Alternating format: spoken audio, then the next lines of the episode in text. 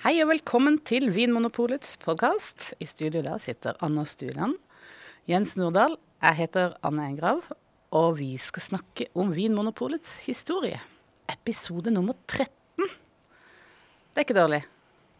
Nei, tiden går, som det heter. Eh, og nå eh, kommer vi da inn i de glade Sier man de glade 80-tallet? Kunne man fint ha gjort, altså. Uh, snakker vel om det glade 20-tallet, tror jeg. The jazz age. Ja. Uh, men det- det 80-tallet, og vi husker 80-tallet godt alle sammen, det var jo et boblende tiår, altså, for å bruke en, en musserende metafor her. Ja. Det var jo mye som skjedde. Det var jo De gamle murene falt, for å, for å bruke nok et bilde her. ja. De gjorde jo det. I 89. Ja. Eh, ja, i det, og det var da selve eh, muren gjennom Europa, ja. Men det var så mye annet rart som falt. Altså, det var jo glasnost, ikke sant. Altså, det sovjetiske imperiet falt jo. Det ble vel i 88 eller 89. Kalde krigen var over. Apartheid-regimet i Sør-Afrika vakler, ikke sant. Eh, økonomisk vekst var det jo. Eh, generell optimisme. Må vi kunne si at det var jappetida, ikke sant. Det var litt bekymringsløst. Det var høy materiell vekst, ikke sant. Og folk hadde det nok ganske ålreit. Eh, og vi begynte å få et litt sånt moderne norsk forbrukersamfunn.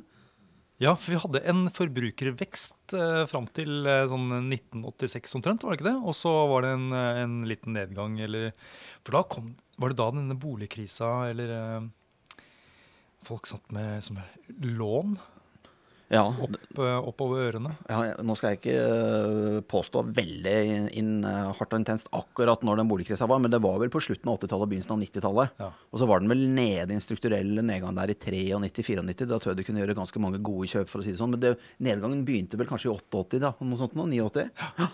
Eh, Skulderputer. Eh, Ja, Kjøpesenteret Ja, kjøpesenteret, ja. Og det Ja. er jo egentlig litt viktig eh, kommer vi tilbake til, ja. i denne episoden, egentlig. Ja, men butikkene får lov til å ha lenger og åpent. ikke sant? Før så var det sånn at alle butikkene stengte fem på hverdager og, og tre, eller kanskje bare 13 til og med, på, på lørdager. ikke sant? Plutselig så kunne butikken ha lenger åpent. Eh, Litt, litt morsommere, liksom. Det ble jo mer fargerikt, da. ikke sant? Og det var jo Jeg husker jo også popmusikken fra 80-tallet, som vi har snakket om før. ikke sant? Det var jo Wam og Prince, og det var jo eh, my, mye gøy og fargerikt. Eh, Michael Jackson, ikke sant. Altså, det var jo, det var jo mye, my, mye sånn gladmusikk. Lettbeint. Ja da, det var, det var mye depressivt òg. Man kunne selvfølgelig rote seg bort til det. Det elsket jo jeg å gjøre. Men eh, altså depressiv musikk, da. Men vi skal ikke snakke om det nå. Vi skal jo snakke om eh, For det, det var jo ikke bare eh, rundt omkring i verden at, eh, at det var fargerikt og fint og boblende. Det var jo selvfølgelig også internt i Vinmonopolet. Ja, klarer polet å henge med inn i jappetida?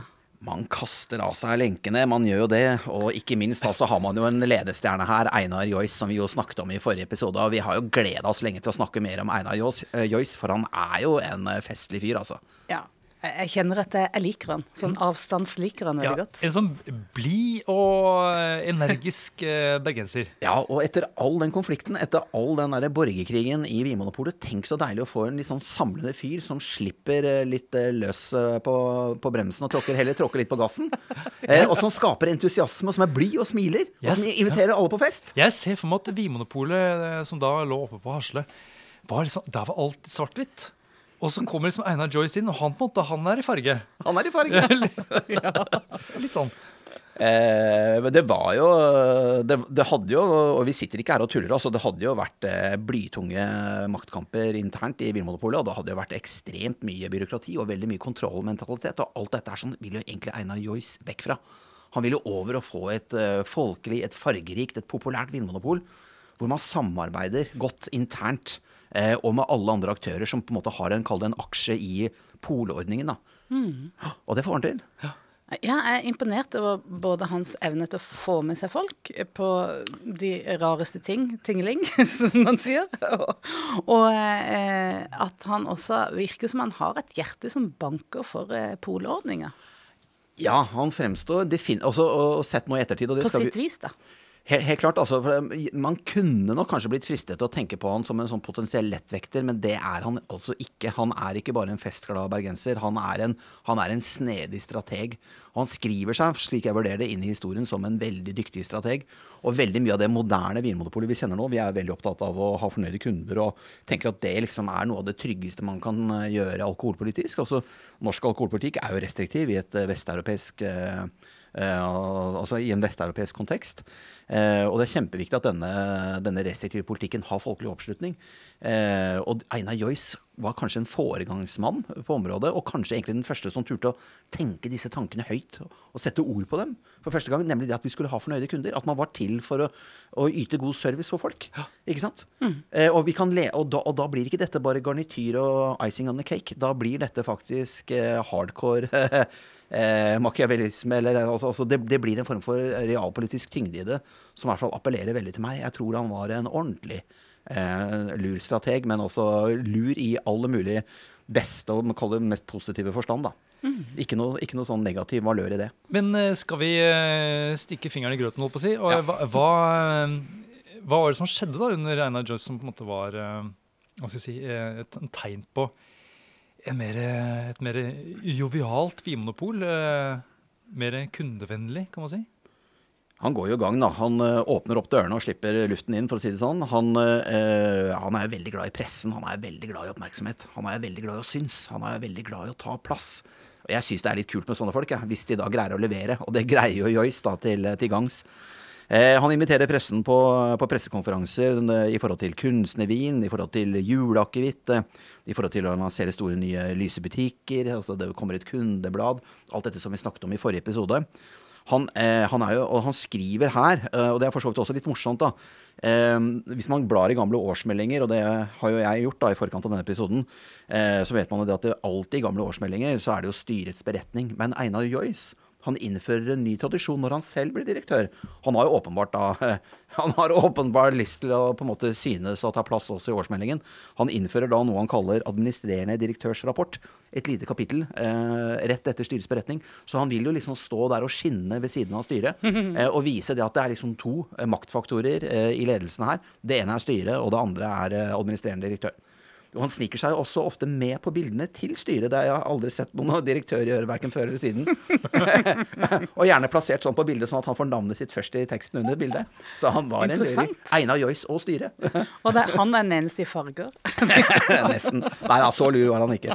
Men jeg må bare nesten lese her fra årsmeldingen i 1988, for eh, det sier jo litt om hvordan han tenker og hva han vil. Han skriver her 1988 og de to første månedene av 1989 har vært preget av at Vinmonopolet er i en kontinuerlig prosess fra å være en eh, statsetat og en forvaltningsinstitusjon til en økonomisk produksjons- og handelsbedrift.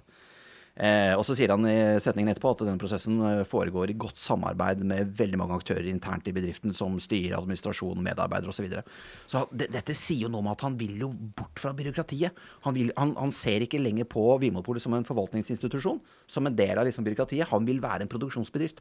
Så han vil, tenke, altså han, han vil jo være Det er blårussen igjen, da, for å si det litt enkelt, som prater. ikke sant? Forretningsmannen vil jo, vil jo redefinere hva Vinmonopolet egentlig er fortsatt, og det er han veldig påpasselig med å påpeke i alle disse eh, rapportene sine i, i, i årsmeldingen som han skriver hvert eneste år, at vi jo Polet skal være samfunnets viktigste alkoholpolitiske virkemiddel.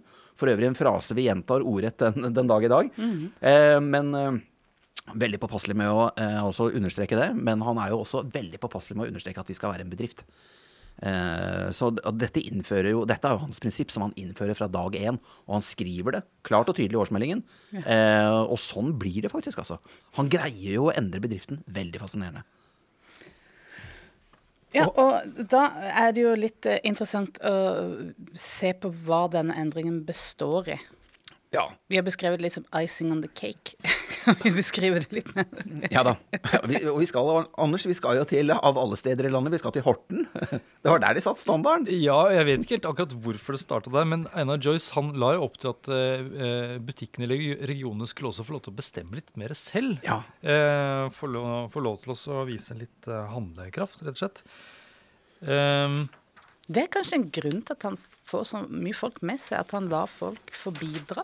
Mm, og det var jo Og Horten, butikkene i Horten klarte det virkelig, for de fikk jo da en, en pris av Horten eh, Handelsstand. De fikk da Horten Handelsstand sin hederspris som årets handelsbedrift i byen. Eh, det var altså da Var det i 88 eller 89? 88, tror jeg. Ja.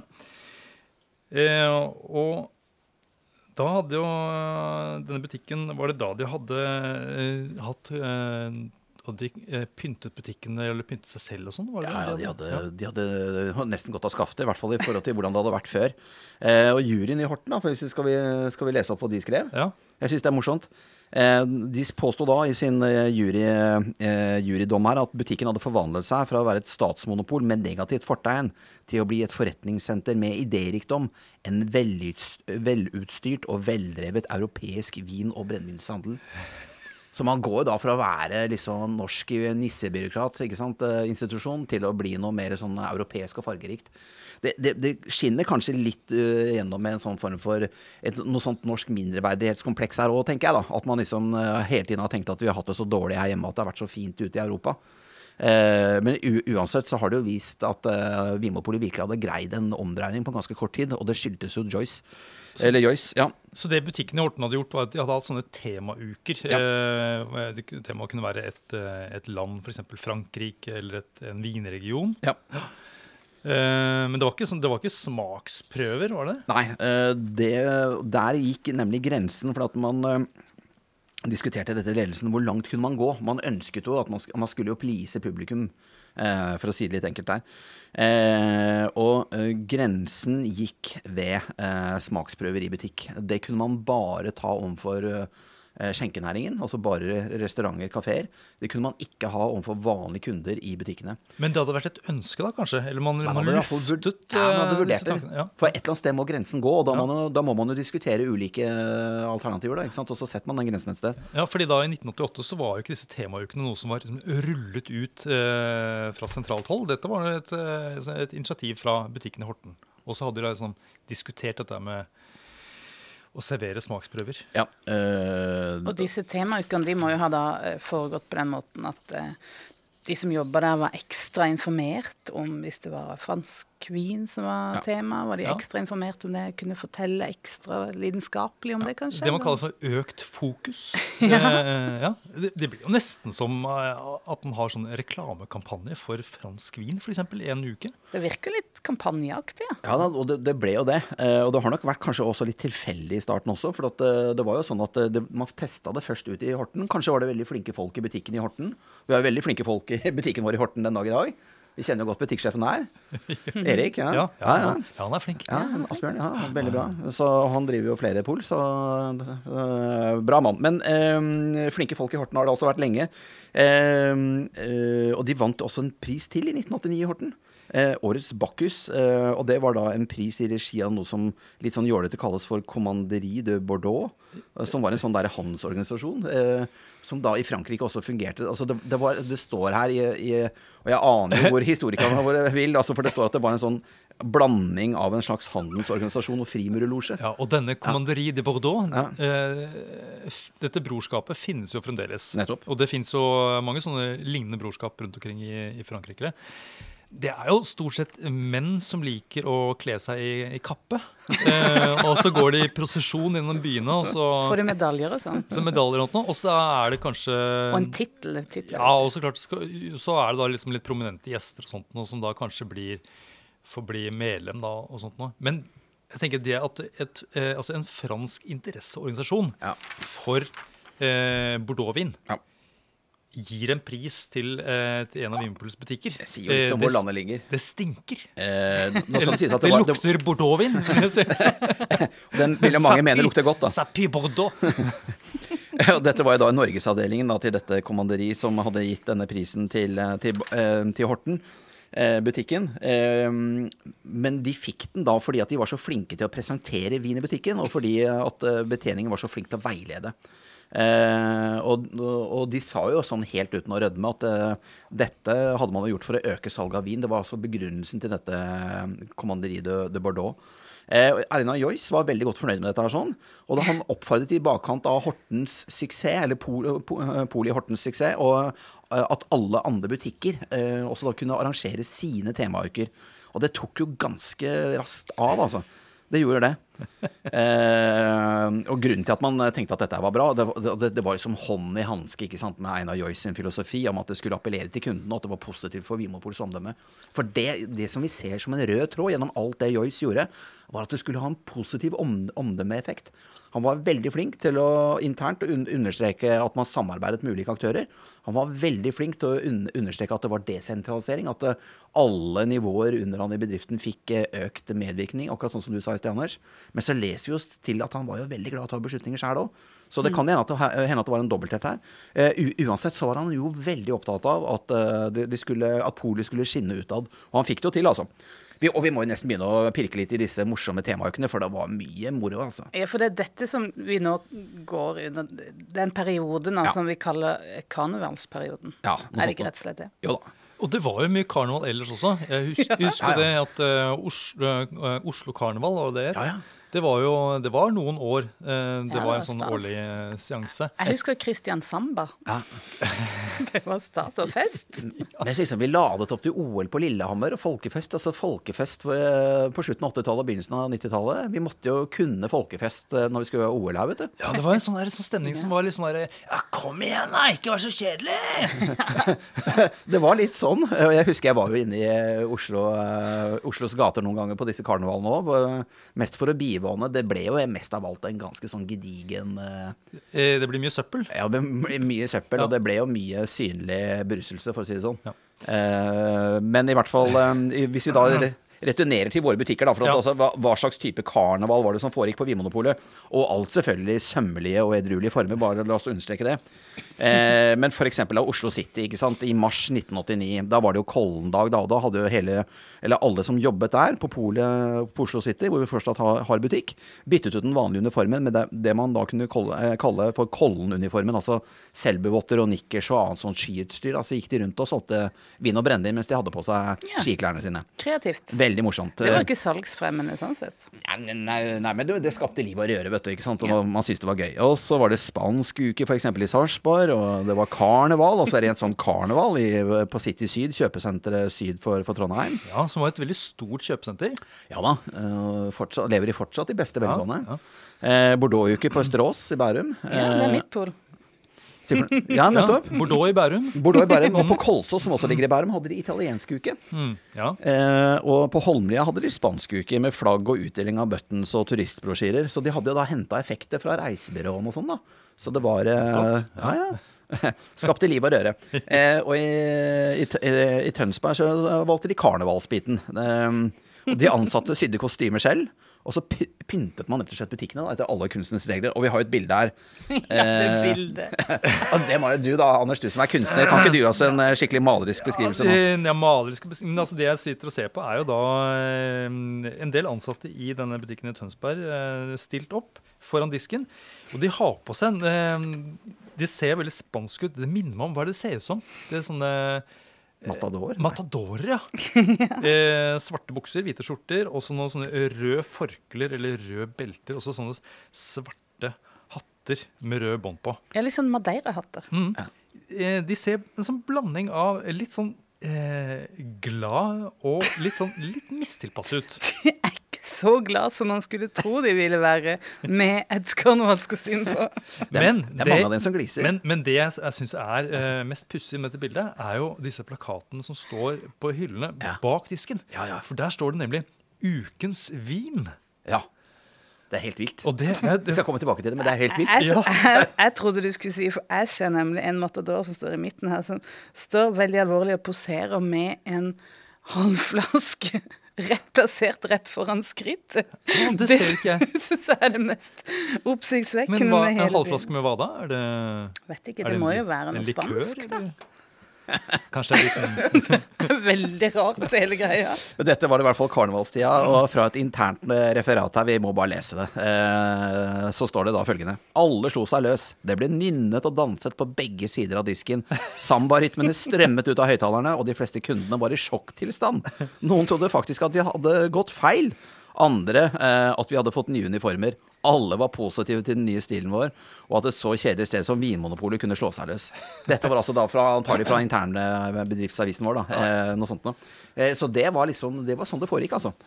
Et sånn kjedelig sted som Vinmonopolet. Ja. Ja, jeg tenkte det. Ja. Jeg har funnet fram noe annet morsomt her. Altså på, og man tilpasset jo lokale koloritt. da. Oppå Otta i Gudbrandsdalen, ganske langt nord i Gudbrandsdalen, så var det jo Otta-dager ute i april. Eh, Og da Hva gjorde de ansatte da? I forhold til bekledning, vet dere det? Eh, Nei, det, det må ha vært litt, eh, litt norsk, kanskje? Definitivt. Ottadagene, da tenker jeg Rondastakk. Ja, det har du helt rett i, Anders! Blink! Blink på første! Og hva, og hva serverte de da? For man begynte jo også å lage mat på disse, disse temaukene. Hva slags mat gikk det opp Nei, i kundene fikk, de fikk eh, rømmegrøt Ja, eh, når, når, når de gikk på Vinmonopolet. Ja. Det som er kjempemorsomt, er at gammeldansmusikken ble også satt på. Den spilte de høyt, så det ljomet gammeldansmusikk gjennom hele Oppa Men, sentrum. men det aller beste var at vi hadde eh, utstilling av et hjemmebrent apparat. og, og råvaren, da. Poteter. Ja, det er fantastisk morsomt. Eh, og kundene fikk til og med lukte på eh, poteter og sprit, som kom direkte fra brenneriene, og finsprit da fra rektifikasjonsanlegget på Hamar. Ja, det, også, det var en sånn, ja. liten sånn, litt sånn faglig dimensjon her også. Man Ja. kunne liksom, mm. Kjenn så mye bedre det er når det er blitt uh, gjort ordentlig. Og krydder brukt, og det, og det krydderet man da bruker i akevitt ikke sant, og likører. Sånn at det var jo, det var jo det var jo en oppdragende effekt der, da. Eh, og sommeren 1990 så var det da nasjonal Italia-kampanje. Og den var nasjonal, da. Ja, nettopp. Så da var det bestemt fra sentralt hold at nå, nå kjører vi Italia-kampanje. Dette er så gøy at her går vi ja. nationwide. etter, altså ett år etter at vi hadde liksom tatt de første små stegene i Horten, eh, så hadde jo da dette på en måte blomstret da gjennom disse litt mer sånn eh, private eller desentraliserte initiativene rundt omkring. ikke sant? Og det, var, det viser kanskje egentlig at da Joyce holdt ord. Da. Han lot jo da butikkene få lov til å bestemme hva slags type karneval de ville ha lokalt, ikke sant? og hva slags type dager de ville ha. Han la seg ikke opp i det, han ville bare at noe skulle skje. Og man brøy seg ikke om, eh, seg ikke om detaljene. Eh, men uansett så hadde dette blitt så stor suksess da, etter ett år ikke sant, med utprøving lokalt på eh, privat initiativ, eller på lokalt initiativ eh, rundt omkring i landet, da, at det da, som dere sier, ble en nasjonal Italia-kampanje den sommeren. Eh, og da ble jo både plakater og rosetter og informasjonsbrosjyrer sendt sentralt ut fra informasjonsavdelingen da, på Hasle. Eh, I Asker, eh, og det var fortsatt litt sånn eh, frivillighet, ikke sant? men i Asker så tok de jo det oppdraget veldig alvorlig. Så der hadde jo de ansatte kledd seg ut som sånne gondolierer, er det vel det heter? Med sorte bukser og hvite broderte skjorter og, og silkebelter. Det er noe sånn veldig sånn eh, karikaturaktig over det. Man tar Ja, det blir jo det. eh, en sånn essens når jeg tar Jeg det. må jo en si- gondolier. Jeg er glad vi da ikke hadde Afrikadager, f.eks. Oi, oi, oi, ja, det, det hadde ikke Det kunne vært det kunne eh, gått galt. Ja, Det, det, ja, og det ble i hvert fall pyntet med både flagg og, og gelendere. Og så er det sånne ulike ting man hang opp, da. Og det var pasta og andre italienske matretter som ble servert. ja, ikke hengt opp. Nei, det, det ble servert, faktisk. Ja. Eh, og andre uker ble jo også eh, arrangert. Tyske uker, ost- og vindager. Eh, og også et konsept man kalte Good Old Days. Jeg er litt usikker på hva som lå i det, men, eh, men eh, det har i hvert fall vært noe retro, da. Good old face. Før premonopoltida, kanskje. Forbudstid, det ville vært rart. Så, men, Krig, krigen? Nei da. Eh, men i høsten 1982, 1992 unnskyld, så samarbeidet da ni butikker fra Drammen til Porsgrunn om franske uker. Eh, og de ble da til og med støttet av den franske ambassaden. Og alpeluer og fransk musikk i alle butikkene, ikke sant. Og det var jo Eh, det var jo ganske voldsomt. ikke sant? Og disse kampanjene de virket jo også. Det ga jo for så vidt et salgsløft for de type kampanjene man, man holdt. da. Og, øh, vi må jo på en måte Vi må jo lande dette så må vi si at i ettertid Dette fremstår som en ganske vill praksis. Det er helt utenkelig at Vinmonopolet skulle gjort noe sånt nå. Det ville jo vært et brudd både på alkohol, alkoholreklameforbudet eh, og ikke minst på likebehandlingsprinsippet. ja, fordi effekten av det var faktisk økt salg på det man hadde en kampanje eh, på. Ja. Eh, I Asker, som da hadde den der eh, pastaservering og, og sånt noe, Ja. der hadde de da registrert et salg som var altså syv ganger så mye italiensk rødvin hadde de solgt da. Mot normalt. Ja. Ja. Og det er jo ikke det som er jobben vår, å selge mer. Nei, nei, nei, på ingen måte. Vi Nei. skal ha fornøyde kunder. Og i hvert fall ikke når den franske ambassaden da har sponsa. Ja, det er noe, det er Ja, noe men rart. men det, dette likebehandlingsprinsippet det kom jo først etter EØS-avtalen, så det var ikke ulovlig da. Men det Nei, ville vært det nå. Så vi, vi, vi, må, vi må skille det der, altså. Ja, det Så, det, et så Joyce brøyt jo ikke noe lov her. Det var bare det var gangbar mynt, da. På den tiden. I hvert fall i forhold til likebehandlingsprinsippet. Men det var vel alkoholreklameforbud på den tida? Ja, men det som jo skjer etter hvert, og nå skal jeg innrømme at nå er jeg litt på gyngende grunn der, men det som skjer etter hvert, og det har jo bl.a. kommet mange veiledere fra Helsedirektoratet på hvordan man skal fortolke alkoholreklameforbudet sånn etter hvert, og opp igjennom, og den siste veilederen kom bare for en fem-seks år siden. Og det var fordi at man hele tiden har hatt behov for å innstramme eh, på en måte forståelsen eller praktiseringen av et regelverk. Sånn at selv om man har et regelverk, så er det ikke alltid gitt hva som er akkurat grensen innafor og akkurat grensen utafor.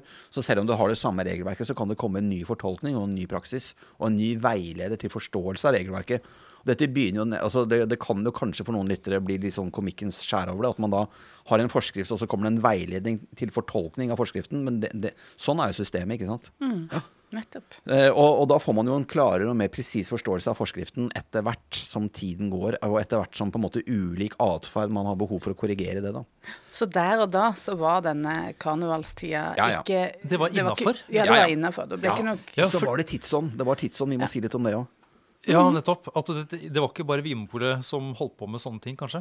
Nei. eh, Da, og, da For å trekke en tråd tilbake til det du sa i sted, Anders. eh, 80-tallet var jo kjøpesentrenes tiår, ikke sant. Og så hadde det vært en overetablering i markedet. Så sånn fra omtrent 86-87 noe sånt nå, så, så var det jo nedgang i, i varehandelen. Så det ble et fallende konsum. Og hva skjer da når du har en overetablering i markedet? Jo, du vil, vil jo begynne å få en konkurranse mellom ulike handelsaktører, mellom de ulike kjøpesentrene, om å tiltrekke seg kunder. Så da hadde du jo masse kampanjer og masse dill og masse dall i masse kjøpesentre og mange andre typer butikker. Så dette var eh, et tog som egentlig bare suste forbi, og som Einar Joyce eh, han, han var jo ikke lok, lokfører, for å si det sånn. Han sa det var ikke, det var ikke Vinmonopol som var de første vognene heller, man bare mer hekta seg på ganske langt bak i toget. Mm. og, og starta da med en praksis som egentlig var etablert i veldig mye annen handelsvirksomhet. Fordi at kjøpesentrene prøvde å karre til seg flest mulig kunder. Ja, Men som av kunder flest ble oppfattet som en litt morsom og fin ting. Ja, ja, ja, folk elsket jo dette. Jeg, husket jo, jeg jobbet jo selv i matbutikk på slutten av 80-tallet. Dette, var, eh, dette var eh, vanlig opplegg, det, altså. Eh, Det var, om ikke det var nye uker hver uke, så var det i hvert fall det var, alltid litt gøy med sånne Det var liksom mye giveaways, og det sto sånne folk med rare hatter i butikklokalet og ga vekk retter og Det var jo sånn, ikke sant? Ja, ja, Kanskje ja. konkurranser, og det var litt, det var litt koselig. Det var jo egentlig Kanskje vi kan få litt mer og sånn. Ikke på polet. Nei, det går nok ikke. Det går nok ikke. Uh, og og Vinmonopolet var jo også selvfølgelig et viktig eh, våpen i, kamp om kundene, så det var klart at vi, vi kunne ikke gå fri av dette. her, sånn, og, og Joyce ville jo heller ikke det. Han, altså Alt han gjorde, bunner nok ut i dette med at han uh, ville uh, rett og slett øke legitimiteten, øke omdømmet, øke populariteten. Ja. Han ønsket å gi folk god service, for han skjønte at det var hard valuta i vår verden. Goodwill. Og, ja, goodwill. Og det er derfor denne garnityren han, han, han gjør jo om garnityr til goodwill, for å si det sånn, som jo er hard valuta. ikke sant? Polet trenger jo politisk goodwill. Eh, politisk støtte for å overleve. Og kanskje var han som sagt altså den første som på en måte tenkte det så eksplisitt. da. Men han gjorde også et annet grep for å få eh, For å spille på lag med kundene, med konsumentene. Han innførte Eller han innførte vel ikke, men han var eh, Kan vi kalle han bag-in-boxens far? Ja, ikke sant? Og pappvin. Ja. Tenk det. Det er jo virkelig en levning fra 80-tallet. ja. Eh, og Einar Joyce må ta mye av æren, eller mye av skylden for, for det. Mye av æren, må, må vi si. For at altså, pappvin er veldig populært. Absolutt. Ja det jo, har jo truffet et behov i markedet. på en. Ja, ja, ja, og det er eh, my mye vin som ikke trenger å lagre så lenge, som er ypperlig på, på pappvin. ikke sant? Eh, det utgjør jo nå drøyt 50% av vinsalget, cirka. Litt eh, svak fallende eh, kurve i andel eh, de siste, eller siden 2011. 2011 var egentlig papp, eh, pappvintoppen når det gjaldt popularitet. Da var det nesten 55% av vinsalget som var på papp. Og så var det da ned mot 50, pro- 50 av salget i 2019. Og så gikk det noe opp igjen under korona, men det faller igjen i år da, for at korona er i ferd med å gi seg. Så, men pappvin har kommet for å bli, og pappvin har vært en gedigen suksess i det norske markedet. Og veldig morsomt at en, at en så moderne ting kan, altså har sin arv eh, fra Joyce. da. Ja, jeg er ikke så overrasket over at liksom 80-tallet er eh, At det er da bag-in-box dukker opp, egentlig. Det passer. Det er liksom det Det er litt mindre selvhøytidelige mm. tider. Ja. så det er ikke så viktig med de tradisjonsbundne emballasjetypene. Ja. Jeg tenker liksom da Folk har virkelig begynt å reise på charterturer og, og sånt. Og man, eh, man har drukket husets vin på taverner rundt omkring. Eh, og man liksom ja, ikke, Det ikke så Det må ikke være Bordeaux, rett og slett, når folk eh, kjøper vin når de kommer hjem, sikkert. På, på ingen måte. Det, vin ble jo mer hverdagslig. Vi skal huske det at det som skjedde egentlig i veldig stor grad fra 80-tallet, var jo det at folk byttet ut brennevin med vin. Eh, Vinmonopolet, nei unnskyld, Norge gikk fra å være et, eh, et brennevinskonsumerende land, brennevinskonsumerende folk, til å bli et mer vinkonsumerende folk. ikke sant? Og dette er jo en transformasjon som har pågått lenge. Folk har da heldigvis, for, for å si det sånn, byttet ut det sterke med det, med det svakere. Det er jo folkehelsemessig bra. Eh, det. Og, og eh, vi, vinens markedsandel den økte jo, begynte å øke da fra slutten av 80-tallet ved midten av 90-tallet. ikke sant? Uh, den ble Var det på 80-tallet det ble solgt mer vin enn brennevin? på? Eh, I vareliter, ja, det, det må vel ha kryssa der. Men i ren alkoholmengde det er jeg usikker på, men kanskje noe senere. Eh, og, også, og historisk så har jo eh, alkoholkonsumet i Norge vært brennevinsdominert helt fram til langt etter annen verdenskrig.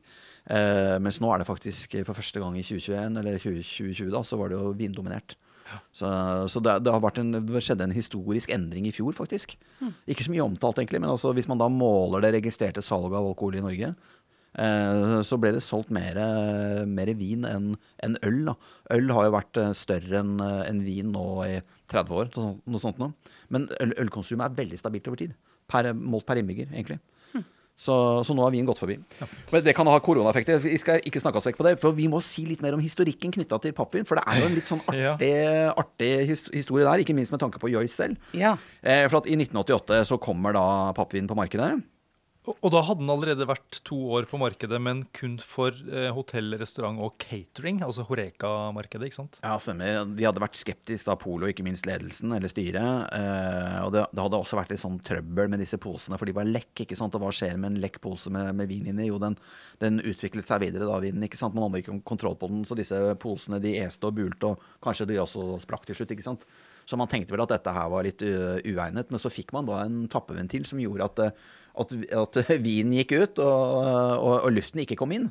Og når man hadde løst det problemet, så var jo dette her en uh, gullende god emballasje. Eh, og som da på en måte ikke forringet kvaliteten på produktet. Eh, I hvert fall ikke innenfor rimelig tid.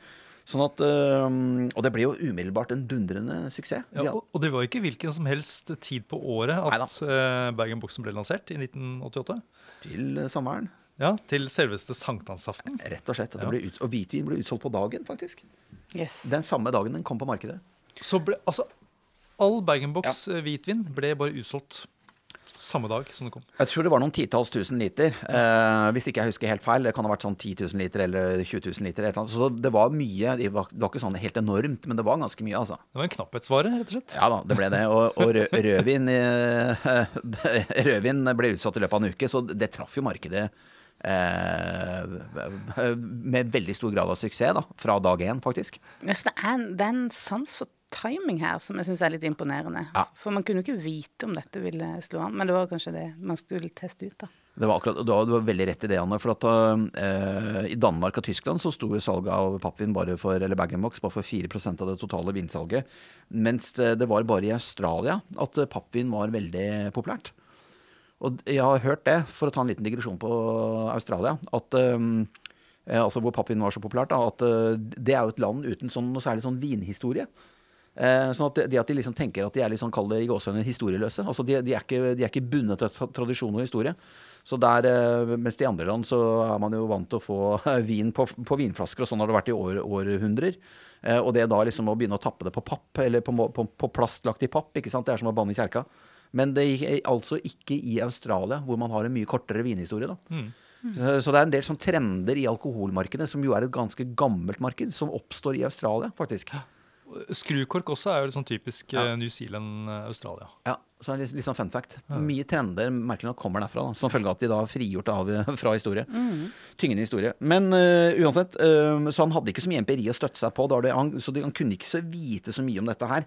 Eh, som du sa i sted, Anders, han kunne ikke det. Eh, men og, historikerne våre, og vi skal snakke mer om dem, dem senere, men altså historikerne de linker jo denne suksessen til pappvinen direkte opp til Joyce. For han hadde nemlig satt ned prisen på pappvinen. ikke sant? Joyce hadde jo gått inn og tatt en beslutning på det eh, alene, så vidt jeg forstår.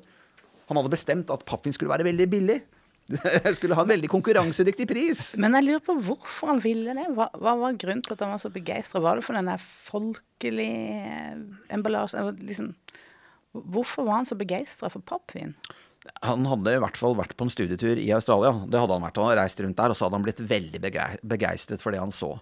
Eh, så ville han jo Han ville jo skape begeistring, og han var en, eh, han var en folkekjær mann. Han likte fester, han likte folk. Han var, eh, han var glad i å Altså, han var en uh, han var sikkert veldig utadvendt og, og, en sånn uh, ja, sosial fyr. ikke sant? Som, og han, han, han, ville nok også gjøre dette her til på en måte goodwill for Polet. Han tenkte nok, han hadde nok, slik jeg leser han, og slik jeg forstår han, så hadde han nok også en veldig klar tanke om at Vinmonopolet måtte jo Eh, altså det, og det var grunnen til at han fikk jobben av Tove Strand Gerhardsen, daværende sosialminister på, tamp, på, midten av 80-tallet.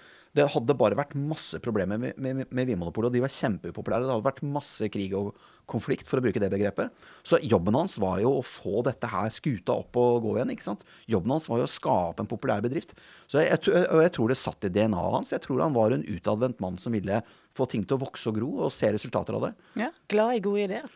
Uh, og han var glad i å ta beslutninger, glad i å få ting til å skje. Uh, og, og, jeg tror faktisk at det, det, er en arv vi fortsatt nyter godt av, for å si det sånn. Så jeg sa det i forrige episode vel at han, han, er nok på pallplass når det gjelder våre viktigste AD-er gjennom tiden. Helt klart, altså. Men altså, ja, når det gjelder det, altså, da, altså, sette ned prisen på, på en treliter med, med vin ja. Det blir jo litt sånn eh, Vi ville jo ikke gjort det nå. Nei.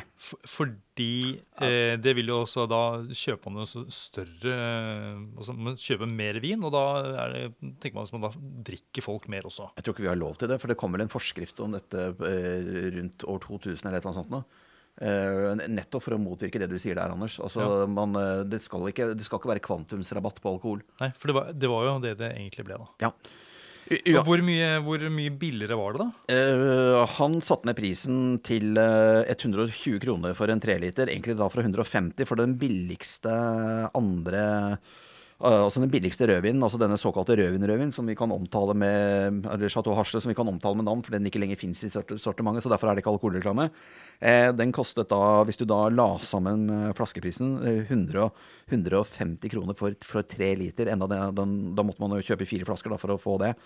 Eh, men da, da satte han den til 30 kroner billigere enn den eh, Chateau Hasle, som da var liksom så seks kroner, som var det rimeligste, ikke sant? Ja. Eh, og det var eh, da altså 20% billigere enn den billigste rødvinen på flaske. Og omregnet til alkoholstyrke så var det også 20 billigere enn pils i dagligvarebutikken. Oi, vi snakker om en kampanje her. eh, ja, vi snakker i hvert fall om en mann som eh, har lyst til å ta markedsandeler. Eh, han snakker veldig mye om det senere, altså det å ta markedsandeler fra eh, spritsmugling og fra grensehandel. Mm. Så det kan hende at han har tenkt noe sånt nå. Eh, men igjen, det, dette var ikke brudd på noen lov på, på den tiden. Eh, det har som sagt kommet en forskrift i bakkant som demmer opp for den type initiativ. Eh, men han gjorde det, og det var jo en av grunnene til at det ble så innmari populært. da. At prisen var konkurransedyktig, for å si det pent. Ja. Og så var det noe helt nytt. Det var helt nytt. Så fikk ja. veldig mye omtale i pressen. Ja. Så alle fikk det jo med seg. Og så var det praktisk, da. For det, det ligger jo i pappvinens natur. Hvorfor i all verden er det så populært? Jo, det er praktisk. Mm -hmm. det, er, det, er, ikke flasker som knuser, det er ganske lett. ikke sant? det er lett å kvitte seg med, med pappesken. Det er bare å resirkulere den, og, og, plasten kan jo gå i restavfall, ikke sant. Ja. Eh, og det ble veldig veldig populært. altså Det, det gjorde det. Men var det solgte Vinmonopolet med tap, da, eller siden det var så billig? Nei da. Eh, rent bedriftsøkonomisk var det helt greit å selge pappvin såpass rimelig, for det var billig innkjøp, og det var også lave håndteringskostnader. Eh, og dette var kanskje egentlig første gang eh, siden 1953, da, så da selveste Gunnar Lindemann personlig hadde satt ned prisen på Eller lagd dette nye produktet som de da kalte Hedmark brennevin, som forkortet til HB, ikke sant, som skulle ta opp kampen med, med ordentlig HB, da, altså med ordentlig hjemmebrent, ikke sant. Eh, for da Lindemann på 50-tallet, også tidligere administrerende direktør i Vinmonopolet, da og resten av ledelsen var jo veldig bekymret for at Vinmonopolet tapte markedsandeler til, uh, til altså illegal omsetning. Da. Man satt jo og kjente veldig på det på, på 50-tallet. Så det var jo første gang på over 30 år at noen hadde tatt det grepet uh, i Vinmonopolet da Joyce da satte ned prisen på pappvin i 19, 1988. Så sånn sett så kan det hende at han har lest opp på historien også. Ønsket å skrive, ønsket å ta et sånn klassisk grep som den store poldirektør Lindemann hadde tatt da uh, 35 år før han. ikke sant? Det kan hende at det var noe sånt noe. Men dette var en eh, dette var, Det var snakk om én rødvin og en hvitvin, og de ble tappet eh, på Hasle. Ble tappet i Norge, ikke sant? Mm, ja, det kan nok hende. eh, I hvert fall det møtte jo motbør, da. Ja. Fordi det var eh, selvfølgelig Det, det krever mindre arbeid kanskje på tappelinja også. Ja, Uh, Den store suksessen med pappvin ble jo et mareritt for, eh, for Joyce og Vinmonopolet etter hvert. Og det er akkurat sånn som du sier, at uh, en av grunnene her, Anders, var jo at fagforeningen fagforeningene var jo sterkt imot pappvin. Ikke så mye for at det økte alkoholkonsumet, i hvert fall ikke sånn veldig eksplisitt uttalt. Uh, men uh, salget av flaskevin stupte, ikke sant. Og flaskevinen ble jo tappet på Hasle. eh, sånn at når salget av flaskevin går ned, så har du jo behov for langt færre arbeidere, ikke sant. Sånn at det var jo eh, det, Man begynte vel å føle at uh, jobbene ble utrygge. Mm. Så uh, fagforeningene ville ikke ha for mye pappvin, rett og slett fordi at de, arbeiderne mista arbeidet sitt. Ja, for det, tok, det krevde mer arbeidere for å tappe på flaske enn på Ja. bib, da. Og det er interessant, fordi uh, jeg begynte å jobbe i Vinmonopolet det var vel da i 1995. Å ja. Ja. Og da husker jeg at det var vel bare tre pappvin Mm. i, eh, i sortimentet. Ja. Så det var jo ikke sånn at det, det bare sånn økte på med mange forskjellige typer eh, etter den første lanseringen i 1988, som var en suksess. De, holdt, de må jo ha holdt tilbake. Ja da, og det, var, men det, var, det skal sies at det var jo et Ja da, det gjorde de. Det var jo et mye smalere varesortiment back then også, altså. Det, Ja. det var ikke mange tusen produkter på markedet da. sånn at den, den varebredden vi har nå, med nærmere 30 000 produkter eller noe rundt der, det er, det er jo av nyere dato. Det er det. Det er sant. Det var 1500 produkter eh, i sortimentet på den tiden. Og det, rett og slett fordi at etterspørselen var deretter. Så det, denne, denne voldsomme vininteressen vi har i Norge i dag, den, den er ikke Den er jo selvfølgelig 10-15 år gammel, men den er, ikke, den er ikke veldig mye mer enn 20 år gammel, i hvert fall. Vil jeg si. Mm. Sånn, eh, hvis vi i hvert fall tenker i merkebredde. Men så, det var jo også, siden det ble så stor, stor suksess, så var det jo også disse varene utsolgt hele tiden. Og det irriterte jo kundene, og det irriterte de ansatte, og det ble også dårlig PR for polet. Og er det noe Joyce likte dårlig, så var det jo dårlig PR, altså. Så, øh, og avholdsfolket var jo også imot eh, pappvin. Eh, tradisjonelt så avholdsfolket så hadde jo folk handla en flaske eller to til helgen, og så hadde de drukket opp eh, flaskene på fredag eller lørdag før de da på en måte gikk på jobb, og alt var greit. Eh, når det da gjaldt, eh, det da gjaldt eh, pappvinen, eh, så åpnet den for noe mer. Kartongen kunne jo lett bli stående på bordet ikke sant, uka igjennom. Eh, den eh, alko alkoholen ble på en måte litt avdemonisert, som avholdsfolket sa det. Eh, vinen hadde nå blitt en vare på, på linje med melk, som også kom på kartong. og Grunnet ulike typer form for press, så måtte de allerede høsten 1988, altså både eksternt og internt press, da, men også av praktiske hensyn, så valgte de å øke prisen på, på pappvin. Så, så Joyce hadde vært smart, men kanskje nesten så smart at han, at han lurte seg selv.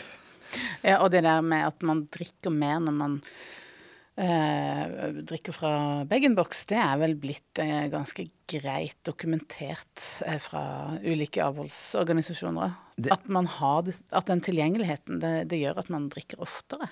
Det er i hvert fall en påstand som gjentas ofte. Og med Ja. hånd på hjertet, jeg er ikke sikker på om det er dokumentert. Ah, men det kan godt hende at det er det. Men det er i hvert fall en påstand som dukker opp i den alkoholpoliti alkoholpolitiske debatten eh, støtt og stadig, akkurat sånn som du sier. Mm. Eh, men om det finnes noe forskning på det, er jeg usikker på. Men det kan godt hende at det gjør det, altså. Ja, når du sier det sånn, så blir jeg usikker. Jeg har bare blitt, hørt at det er blitt omtalt som den nye kaffekoppen. Istedenfor å invitere folk inn på en kopp kaffe, så er det en et glass vin. Akkurat. ja. Bare sånn for å liksom, eh, ta dere litt tilbake igjen til eh, 1995, den gangen jeg begynte. i Ja, Polen. kjør på. Um, jeg bare kom på at eh. Fordi folk ser for seg en, eh, en treliter ikke sant? når det er snakk om bag-in-box. Ja. Men den gangen så Ja. var det da to eh, trelitere, én hvit og en rød. Og så var det også en rød tiliter. OK. Da begynner det å ligne noe. Det er heftig. Ja. Det er kanskje ikke så rart at avholdsfolket reagerte. Ja, det, ja, Det er litt mye å kjøpe i slengene. ja. Og eh, på dette tidspunktet her i karrieren så var kanskje Joyce på sitt, eh, sitt, sitt Han pika her, kanskje, da. Eh, Fordi at han hadde for liksom skapt en, nok en suksess. Det hadde vært masse suksess for han, ikke sant. Men etter pappvin, etter at det begynte å lygge, så det begynte å komme litt sånn bråk rundt uh, kunstnervinen og sånn etter hvert.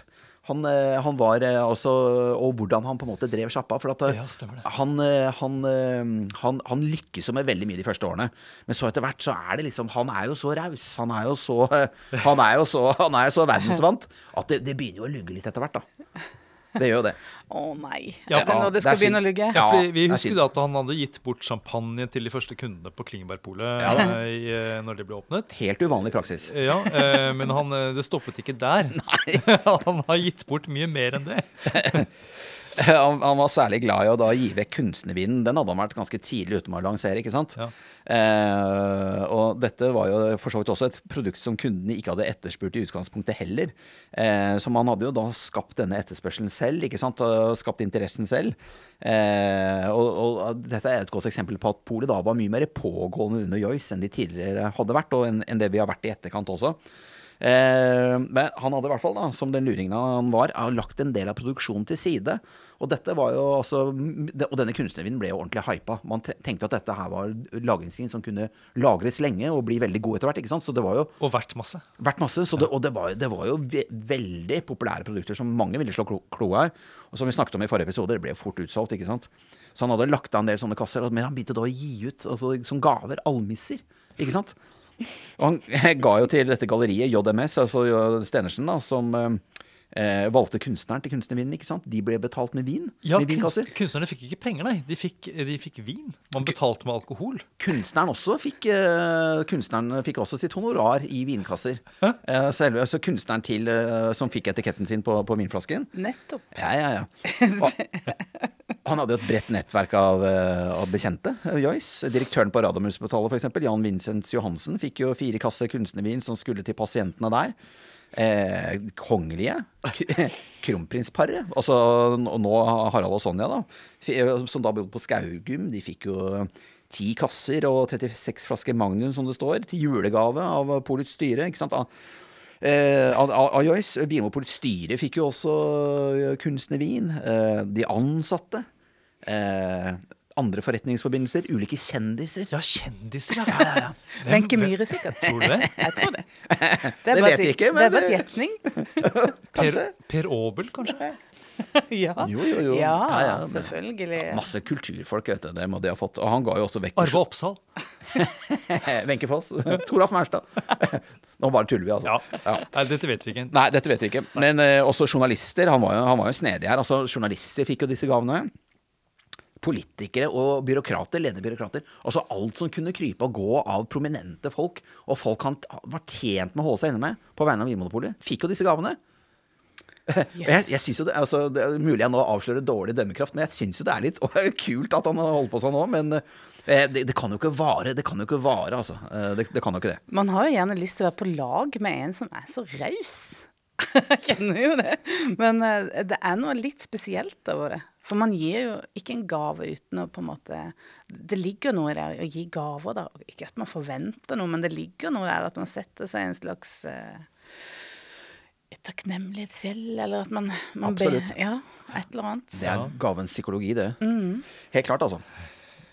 Eh, og definitivt, eh, altså som historikerne konkluderer med i fin gammel, da, denne rausheten med alkoholvarer var ny i selskapets eh, nyere historie. Altså, det, man, altså, tenk dere da, eh, Gunnar Lindemann, og for lyttere som har vært med oss gjennom hele podkastserien her. Den, den, eh, den litt sånn tørre og veldig, veldig prinsippfaste eh, juristen Gunnar Lindemann, ikke sant? Ja. Eh, Direktør fra 1945 til 1970. Ikke sant? Det ville virkelig ikke forekommet under han, altså. Å ja, hjelpes, hvor var juristene hennes under Joyce? Gunnar Lindemann, hvis han fulgte med på dette, og det gjorde han sikkert, han må jo, vært, eh, han må jo virkelig ha satt eh, kaffen i halsen, altså. Men, men, Kunstnervin i fremdeles, Ja. men fremdeles så er dette innenfor? Eller? Det er et godt spørsmål. Jeg vet ikke, jeg har ikke sett noen juridisk utredning rundt det. Uh, uh, det, det, eh, an, antagelig så er altså Hvis du snakker med en revisor, så er vel antagelig dette utafor. for det, det må jo finnes et regnskap og ting. ikke sant? Og, og det er klart at denne rausheten skal jo innhente Joyce ganske snart. Eh, men, men det var ikke bare kunstnervin han var raus med. Han var jo også raus når han eh, var rundt omkring i, i butikkene, også i Vinmopols butikker. Da ga han jo eh, fra varelageret til kunder, og kanskje til og med også til ansatte. Så han, liksom, han betraktet, betraktet Vinmonopolet som sin eiendom, og ga, ga jo vekk i øst og vest. Ja, den, det er kanskje litt spesielt, ja. Ja da. Eh, så han hadde, han, han hadde nok en et, Manglet nok en I hvert fall en eh, revisorens eh, skarpe blikk der, for å si det sånn. Det, det, det gjorde han altså. Eh, det han jo skriver i årsmeldingen når dette pågår som, som mest, da, han selger det jo inn som en dyktig diplomat. Han sier det at ledelsen har lagt sterkt vekt på, på samfunnskontakt. Eh, eh, vi har invitert alle stortingsgruppene og sosialkomiteen til omfattende orientering og diskusjon om bedriften, og vi har hatt tilsvarende opplegg for embetsverket og næringsorganisasjoner. Og så skryter han også fælt at eh, det gledelige var det også at sentrale avholdsorganisasjoner for første gang har villet avlegge Vinmonopolet en visitt. Så dette skriver han i denne beretningen sin i årsmeldingen, ikke sant? Eh, eh, og så sk skriver han eh, skriver, Leser du mellom linjene nå, eh, Jens? ja da, og så skriver han da litt sånn Så skriver han da under her Ledelsen vil også i det inneværende år legge stor vekt på denne form for samfunnskontakt. Så han, han varsler jo virksomheten i sin egen, og så sier han ledelsen, ikke sant. Og antagelig er det nok han som har på en måte tatt denne beslutningen. Nettopp. Ja. Eh, Så når det er snakk om samfunnskontakt, så er det egentlig det å gi ut polvarer. Ja. Jobber ikke du med samfunnskontakt, Jens? Det er ikke sånn vi holder på nå. Det er, det er kjedelig argumentasjon fra ende til annen. Eh, jeg syns det er gøy, da. Det skal sies. Um, men um, i hvert fall, da. eh, Joyce var jo ikke ferdig med å representere. Han elsket jo å representere. Og denne representasjonsintensiteten som han da varslet i årsberetningen mm. i sitt eget kapittel, den økte utover, ikke sant. Eh, kjendiser og kjenninger.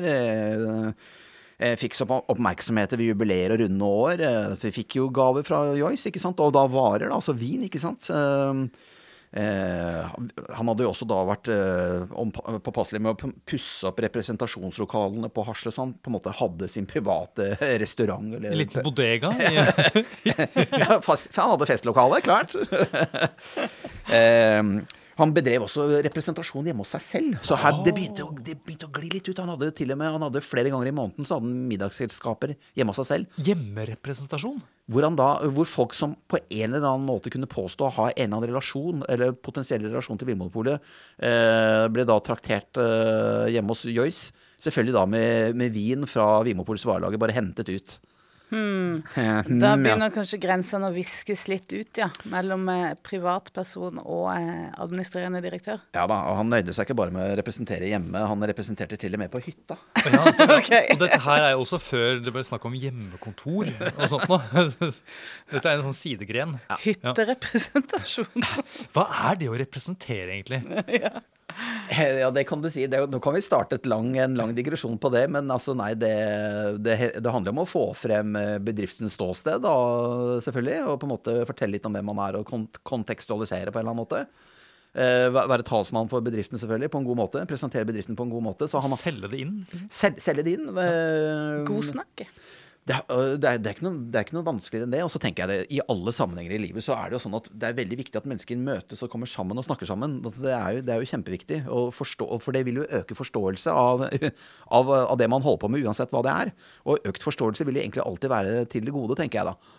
Eh, så det, det, man skal selvfølgelig ikke representere inn i evigheten, eh, i negativ forstand, for å si det sånn. Men, altså, men det, det er klart at det, det, å, det å møte aktører, det å snakke om hvordan ting eh, fungerer, det å snakke om hvordan en bedrift ser på, ser på noe, eh, hvilket, hva som vil være bra for videre ut, utvikling av bedriften, og hva som vil være dårlig, det er klart at det er ikke noe, det er ikke noe galt i det. Det er ikke noe fishy i det. Nei. Så det, det som er på en måte litt fishy her, er at det blir glidende overganger mellom, mellom uh, Einar Joyce sin egen husholdning og Vimopols varelager på Hasle. Det er det som er problemet. Ja, det er jo et problem. Eh, Ja, for du snakket om at han eh, dro til, dro til hytta Ja med, med flasker fra lageret. I sommerferien ja, så lempet han inn masse kasser i, i bilen sin i bagasjerommet, og så dro han på sommerferie. og Han ønsket god sommer og vinket eh, blidt da han kjørte av sted. Eh, og representerte da på hytta med masse varer fra, fra Vinmonopolet. Jo, dere ler, dere, men eh, han, han er jo en verdensmann, da. Det er han jo virkelig. ja da. Hva skal du i sommer? Jeg skal ned og representere på hytta. Ja, da, jeg, jeg, også, jeg, jeg, jeg, jeg må innrømme at jeg er litt svak for Joyce. Og no, jeg innrømmer også det at noen ganger vil man bli lurt. Og det, det, det, jeg, det er vel kanskje sånn at jeg lar meg litt sjarmere av sjarmøren her, jeg, da. Ja, jeg, jeg skjønner jo det, altså, bare til alle For han gjør det med et smil. Han gjør det med smil, men jeg skjønner jo det at han går jo for langt, kjære vene. Altså. Men hans bidrag til polhistorien er allikevel av veldig veldig viktig karakter. Altså. Så han, Ja. er, han er en fyr vi liker, altså. Men, men, men vi skjønner at han gikk for langt, og det, det skjønte han nok selv også. Altså. Han gjorde nok det. Eh, nettet, dessverre, da det begynner å snøre seg rundt uh, denne joviale direktøren. Det gjør det. Og hva sier, eh, hva sier de andre i ledelsen, hva sier styret til dette her, da? Ja, Det er jo da denne viseadministrerende direktør Kjell Christensen, som jo hadde tapt kampen om å bli Vinmopolets nye administrerende direktør noen år tidligere. Vi husker jo at han var en sånn oh, ja. slags kronprins, ikke sant. Men han hadde representert dette gamle som Tove Strand Gerhardsen ikke ville ha, for hun var møkk lei Arbeiderpartipampene. Eh, selv om hun var Arbeiderpartiet selv, så hadde jo de greid liksom å få til en elendig styring av Vinmonopolet med full borgerkrig mot, mot de ansatte. Så de, eh, de hadde på en måte misbrukt muligheten sin, eh, kan det kanskje sies. Det er i hvert fall sånn vi leser historien. Eh, altså no, noen av disse Arbeiderpartitoppene som da regjerte Vinmonopolet eh, på starten av 80-tallet. Så Kjell Christensen, som var ansett for å være en kronprins, eh, og som da hadde tapt mot sjarmøren Einar Joyce på Gladlaksen. Gladlaksen på oppløpssiden. Eh, han tok jo da Og han kan hende at han hadde et personlig insentiv. Eh, men det kan jo også hende at han tenkte at eh, her er det og går det over stokk og stein. Eh, I hvert fall så tok han eh, initiativ til eh, at det skulle bli gjort en del undersøkelser sammen med en fyr som heter Tor Sakariassen, som jo var avholdsmann, og som satt som styremedlem. Eh, så her var det liksom avholdsrørsla og den litt mer sånn ja, seriøse delen av Arbeiderpartiet som tok eh, til orde for at de måtte, de måtte granske litt. Mm. Uh, Jeg skjønner jo det. ja da, vi, vi skjønner det. Og det var jo, de fant jo ganske raskt ut at det var 1400 flasker som hadde blitt drukket da i representasjonslokalene på Hasle. Og, ja da. Og hold dere fast, 1400 flasker som også hadde blitt drukket hjemme hos Joyce. Eller som hadde blitt brukt som gaver. Som han, og, og, eh, og man kunne heller ikke gjøre rede for alle disse flaskene. Man kunne ikke det. Nei, man kan ikke det etter 1400 flasker. Men er dette på ett år, eller siden Joyce hadde begynt? Noen år. altså Han var jo da vel uh, ordentlig på vei inn i Vinmonopolet i 1987, ikke sant. Og dette, og dette tok vel da en tre-fire år, da. Men hvor, hvor, Det er mye allikevel på fire år. Veldig mye. Men så er jeg usikker på om, om han representerte like intenst. Jeg ser vel for meg at dette her har eh, hele veien altså Det har, det har vel vært en eskalerende uh, utvikling der òg, tenker jeg. Ja. Ut, uten at jeg vet det. Um, men det har nok vært en prosess som har pågått uh, over noe tid, og som har økt in intensitet. Mm. Og det som også gjør dette litt pikant etter hvert, altså, det, eh, var jo problematisk her at det ikke var betalt avgifter for disse flaskene. For disse flaskene var jo da eh, For det ble jo først ah, Det, det var først når varene hadde gått igjennom Vinmonopolet at, det det ble betalt avgift. Så det var tatt av varelageret. Så her hadde jo da poldirektøren drukket veldig mye avgiftsfri vin. Så staten Ja. hadde ikke liksom fått sin eh, del av eh, kaka her, rett og slett? Nei, og det som gjorde det enda mer pikant, var jo at kongen hadde drukket avgiftsfri og statsministeren og Stortinget og Sosialdepartementet, altså departementstoppene. og Alle de som liksom var satt til å eh, styre og holde orden med Vinmonopolet, hadde jo hadde drukket avgiftsfri, litt sånn ulovlig gåsehudende vin, da. Ikke sant? Så det var, dette gjorde jo saken litt sånn pinlig og pikant, altså. Gjorde jo det. Og aner jeg at eh, media begynner å snuse litt borti dette her. Gjett om. Da er det, da er det paparazzi-virksomhet nærmest. Eller det var VG da som legger seg i buskene, ikke sant? faktisk fysisk da, oppe på Hasle, ikke sant? og knipser bilder og prøver å finne ut hva som foregår inn på Representasjonsrommet? Til The Uh, og etter at dette her da avslørte i VG, ikke sant, den store graveavisen i i 1992, så må jo da Vinmonopolet etterbetale avgiftene eh, på de varene som var konsumert eh, på Hasle. Eh, og, men, Det altså, er en dårlig sak. ja, det er det. Det er pinlig. Uh, vi skal ikke trekke det for langt, men det er litt sånn som med, med Ropstad nå, som akkurat har gått av som statsråd, liksom, med disse, uh, dette tullet i økonomi her. ikke sant? Altså, det er noe med det at ett steg over grensen, altså. Ja, det er dårlig PR, i hvert fall. Ja, det er det. Eh, skal også sies da at eh, det var litt sånn uklart om han egentlig hadde eh, hvilke lover han hadde brutt. For at altså i 1989 så hadde jo noen i ledelsen tatt eh, initiativ til at det skulle lages et sånt regelverk for hjemmeprøving av, av varer. Det hadde vært et regelverk som var oppe til vurdering i Vimoports ledergruppe da, i 1989. Men av en eller annen grunn så hadde aldri saken blitt fremmet for styret. Så man hadde ikke da fått vedtatt og endelig besluttet hva som regelverket skulle være. Og man kan jo nesten fornemme, hvis man skal være litt konspiratorisk her, kanskje Joyce hadde en egeninteresse av å trenere akkurat det regelverket. Nå spekulerer jeg kun, altså. Men eh, det ble i hvert fall av grunner vi ikke kjenner til. Regelverket ble ikke vedtatt. Og da hadde han jo heller ikke brutt noen lov. Nei. Nei.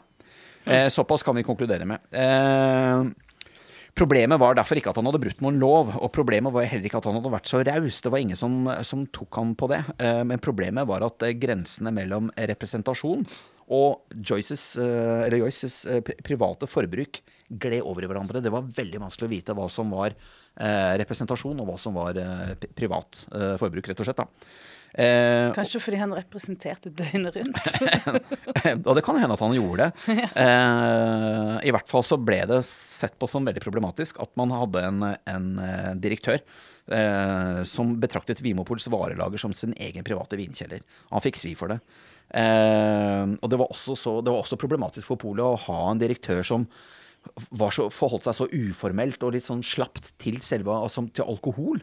Ikke sant? Som var et produkt man jo skulle ha kontroll med. Og det skrev jo Joyce uh, side opp og side ned om, at hvis man skulle være samfunnets viktigste virkemiddel for uh, salg av alkohol, så at han da var så sleppent med det selv, kunne jo kanskje se litt dårlig ut da, fra utsiden. Muligens. Mm. Ja. Ja, så det var eh, hva, hva skjer da? Blir han felt? ja. Han gjør det, dessverre. Anders. Han gjør det, altså. Ja, eh, og den, eh, altså den offisielle begrunnelsen var vel at eh, at han trakk seg fordi eh, det, var 230 flasker. Ja. Altså bare 230 flasker Ja. som det ikke kunne gjøres rede for. Ja. Eh, så det var ikke snakk om 1400 flasker lenger på Nei. hytta, men eh, 230. Og, og da sa han sa opp selv. Ja, de, ordner det sånn. Det er jo du. gjerne når, sånn det er. Når, en, når en sjef mister stillingen sin, så er det, så er det gjerne det som blir eh, avtalen på bakrommet. At de sier opp selv. Ja. Så det er nok en, en vanlig måte å gjøre det på. Men det lå nok også en bred misnøye med, med Eller i hvert fall en bredere motstand mot Joyces stil her, altså. Vi, de skriver jo det, historikerne som har, som har pirket i dette her. Eh, det var jo kulturkrasj under Joyce, ikke sant. Det var jo det. Han kom jo inn og representerte den nye tid, men mye av den gamle tid hang jo selvfølgelig igjen. Ja, ja, masse folk selvfølgelig som har jobbet under andre Ja. regimer. Og det er jo ikke sånn at dette her var en glidende overgang fra et regime til et annet. Det var virkelig et sånt, et ganske sånn markant skifte. Paradigmeskifte. Ja. Ja. da, helt klart. Og, det, og han kom fra shipping og skulle inn i det blytunge byråkratiet, så det er ikke rart at, det, at han går i Det gnisset litt. Ja, Nei, det er ikke rart. Eh, det sies også at han var ikke noen stor systematiker. Han var ikke det. Han var ikke så opptatt av telekanter, tror jeg. Eller teleflasker. Nei. og så skriver også historikerne her at han hadde en eh, visst rykte for å ta litt sånn uoverveide beslutninger. Han var nok, eh, han ble jo kalt litt sånn revolverman, eller troubleshooter, da. ikke sant? Og det, det er klart at da går det ganske fort, da. ikke sant? Det kan vel være et bilde på at han var ganske rask på av, avtrekkeren, rett og slett. Eh, avholdsbevegelsen ville dessuten også da bli kvitt det de kalte guttungen i godtebutikken. Ja. Ja, ja.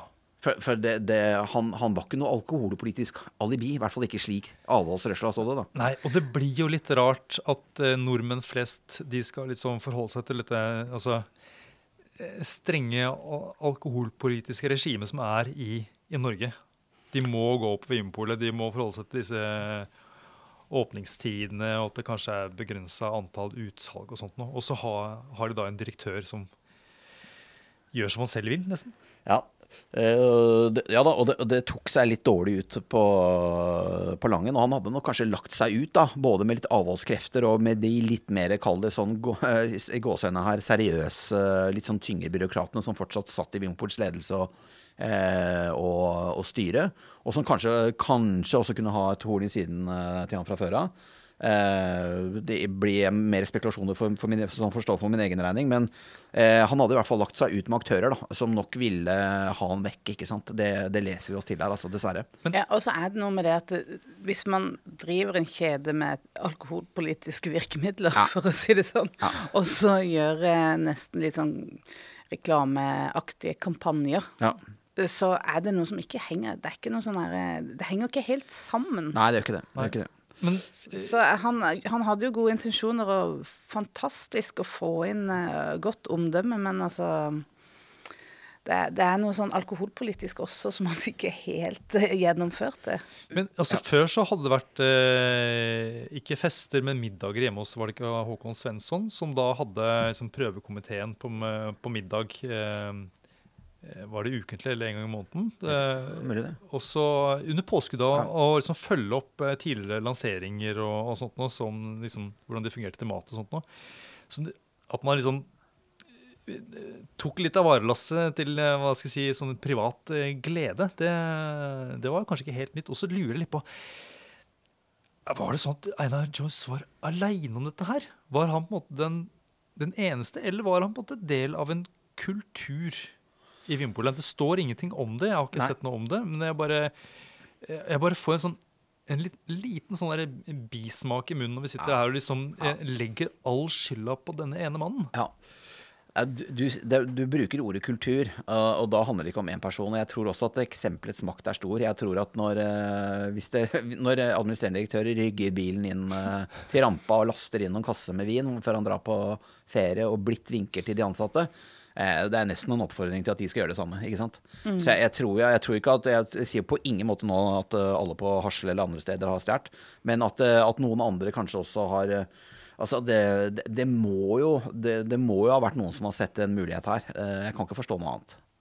Nei. Men mu- mulig jeg har for dårlige, dårlige tanker om, eh, om, Ja. om forhenværende kollegaer. Ja, og, og nå kommer jeg også på altså, hvor, eh, hvor harde klypa egentlig bedriften har vært mot da, eh, de som da har stjålet av lasset før. Ja. Eh, og Ja, ja. så Nei, plutselig det- skjer det Så jeg tenker sånn eh, internt også, så Men, men, eh, blir det jo veldig, veldig rart. men historisk så har det jo vært mye brikkasje på, på Hasle-problematikk. Altså, det var jo finurlige måter å lure med seg ting Ja, ja. på. Så, så at problemet har eksistert, det vet vi jo. Jo, men da, var jo, da ville jo bedriften dette her til livs. Ja, ja.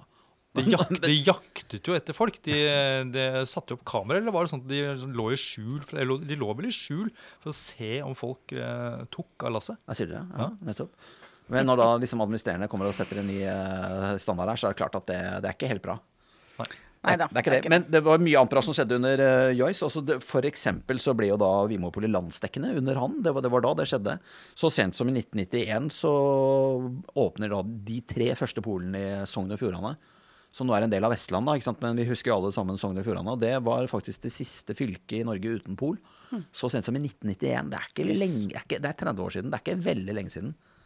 Nei, nei, det er ikke veldig lenge siden. Og da måtte, det var de, i går. altså, og da måtte de kjøre altså, for Bodde du i Sogndal, så måtte du enten kjøre til Bergen eller til, eh, til, til Gol. Ikke sant?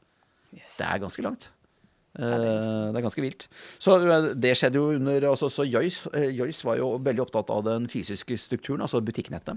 Så han var, det, var jo, det var jo ikke bare glasur og icing on the cake. Ja, det var jo virkelig infrastruktur eh, som han fikk til. Altså, så, så han har vært en foregangsmann der. Eh, helt klart. Eh, det påstås jo også da at i hvert fall fram til Joyce sin regjeringstid, så satt jo Joyce en veldig flott rekord, egentlig. Og det, Polet hadde jo aldri vært mer i takt med sin samtid enn under Joyce. Så han greide jo liksom å, å øh, Han greide jo å få tidsånden inn i Vinmonopolet, og det tror jeg kler bedriften vår. Jeg tror det er veldig dumt at en bedrift som lever på politikernes nåde og på folks øh, øh, nåde Jeg tror det er veldig dumt om en sånn bedrift ikke er serviceinnstilt. Ja. Eh, og jeg opplever vel, og man har sikkert tenkt på en måte opinion og oppslutning og politisk goodwill eh, tidligere. Eh, Lindemann har sikkert tenkt på sånne ting, han også. Men jeg opplever vel at det er jo Einar Joyce som setter de eh, moderne, de tydelige ordene på dette første gang. altså. Ja, han ville jo, altså, han ville jo polkøen til livs. Den gangen så var jo det et eget begrep. ikke sant? Ja, ja. Å stå i polkø, det var liksom de lengste køene. Det var polkøer. ja. Så nei, vi har vel egentlig snart nå kommet til veis ende, men eh, tror jeg på dette på For dette Einar Joyce, Ja. vet, vet du hvor, eh, hvor Begynte han å jobbe etterpå? Var det Nei, det, det burde jeg gjort en research på. Det har jeg glemt i farten. Vi får kanskje ta det i neste episode, men uh, i hvert fall så Ja. Uh, vi må finne ut av det. Han lever i hvert fall, i, eh, mener jeg ganske bestemt, i beste velgående. Så det kunne vært artig å ta en prat med han, faktisk. Ja, jeg, jeg liker, eh, som jeg snakka om eh, tidligere, jeg kunne godt tenkt meg å ha hatt han som venn. Og den om den der eh, rausheten som vi gjerne skulle ha. Ja. Og så på en måte kunne Tenk om vi kunne gjort sånn nå? Så gøy det hadde vært å kunne bare dele ut ting i øst og vest. Vi, vi kan jo dele ut noe nå, da. Det, det syns jeg vi skal gjøre. Det er jo ikke, det er ikke kunstnervin, det er det ikke. Nei, det er jo ikke det. Nei. Ja, for vi sitter med et lite lager av denne flotte boken, som jo er en rød tråd for oss eh, når vi skal la, spille inn disse, disse podkastene. Og det er egentlig veldig hyggelig å kunne skryte litt av de flinke historikerne som har skrevet denne boken. Eh, den kom jo til Bimopols 75-årsjubileum. Eh, den er skrevet av to veldig flinke historikere, en, en mann og en dame. Olav Hamran og Kristine Myrvang. Den heter Fin gammel, og vi har et lite lager av den på sidekontoret. Og vi tenker at nå vi i reneste Joyce-ånd, Einar Joyce-ånd, kan gi vekk et par sånne eksemplarer av den boken til interesserte lyttere, hvis det skulle være noen der ute. Det er en veldig god bok med masse fine bilder. Veier over to kilo. Vond å miste på tåa, men vel verdt å lese. Ja, hvordan skulle vi gjøre det? Skulle vi bare be folk om å sende inn, hvis de som er interessert i å ta en del av Einar Jøs sitt ettermæl, kan bare sende inn en e-post e-post til oss. Ja, det kan dere. Eh, og e-postadressen vår er podkast.vinmonopolet.no. Den skal holde, den. Ja, og, og så bare sende eh, inn Så trekker vi bare, eh, rett og slett, Ja. eh, en tilfeldig vinner. Ja. Og da må vi si, der gjør vi, det, gjør vi jo den trekninga, skal vi si, før eh, Før jul. Før jul. Ja. ja, det må vi klare. Det klarer vi. Så, så det blir bra. Og dette er altså i reneste Joyson. Han har skrevet seg inn i polhistorien, og jeg tror faktisk han er en av de aller viktigste personene i, i Vimopols historie. Selv om det gikk eh, litt over styr på slutten her. Takk for at du hører på Vinmonopolets podkast. Har du forslag til et tema i podkasten? Send mail til podkast at vinmonopolet.no. I tillegg svarer kundesenteret deg på e-post, chat og telefon.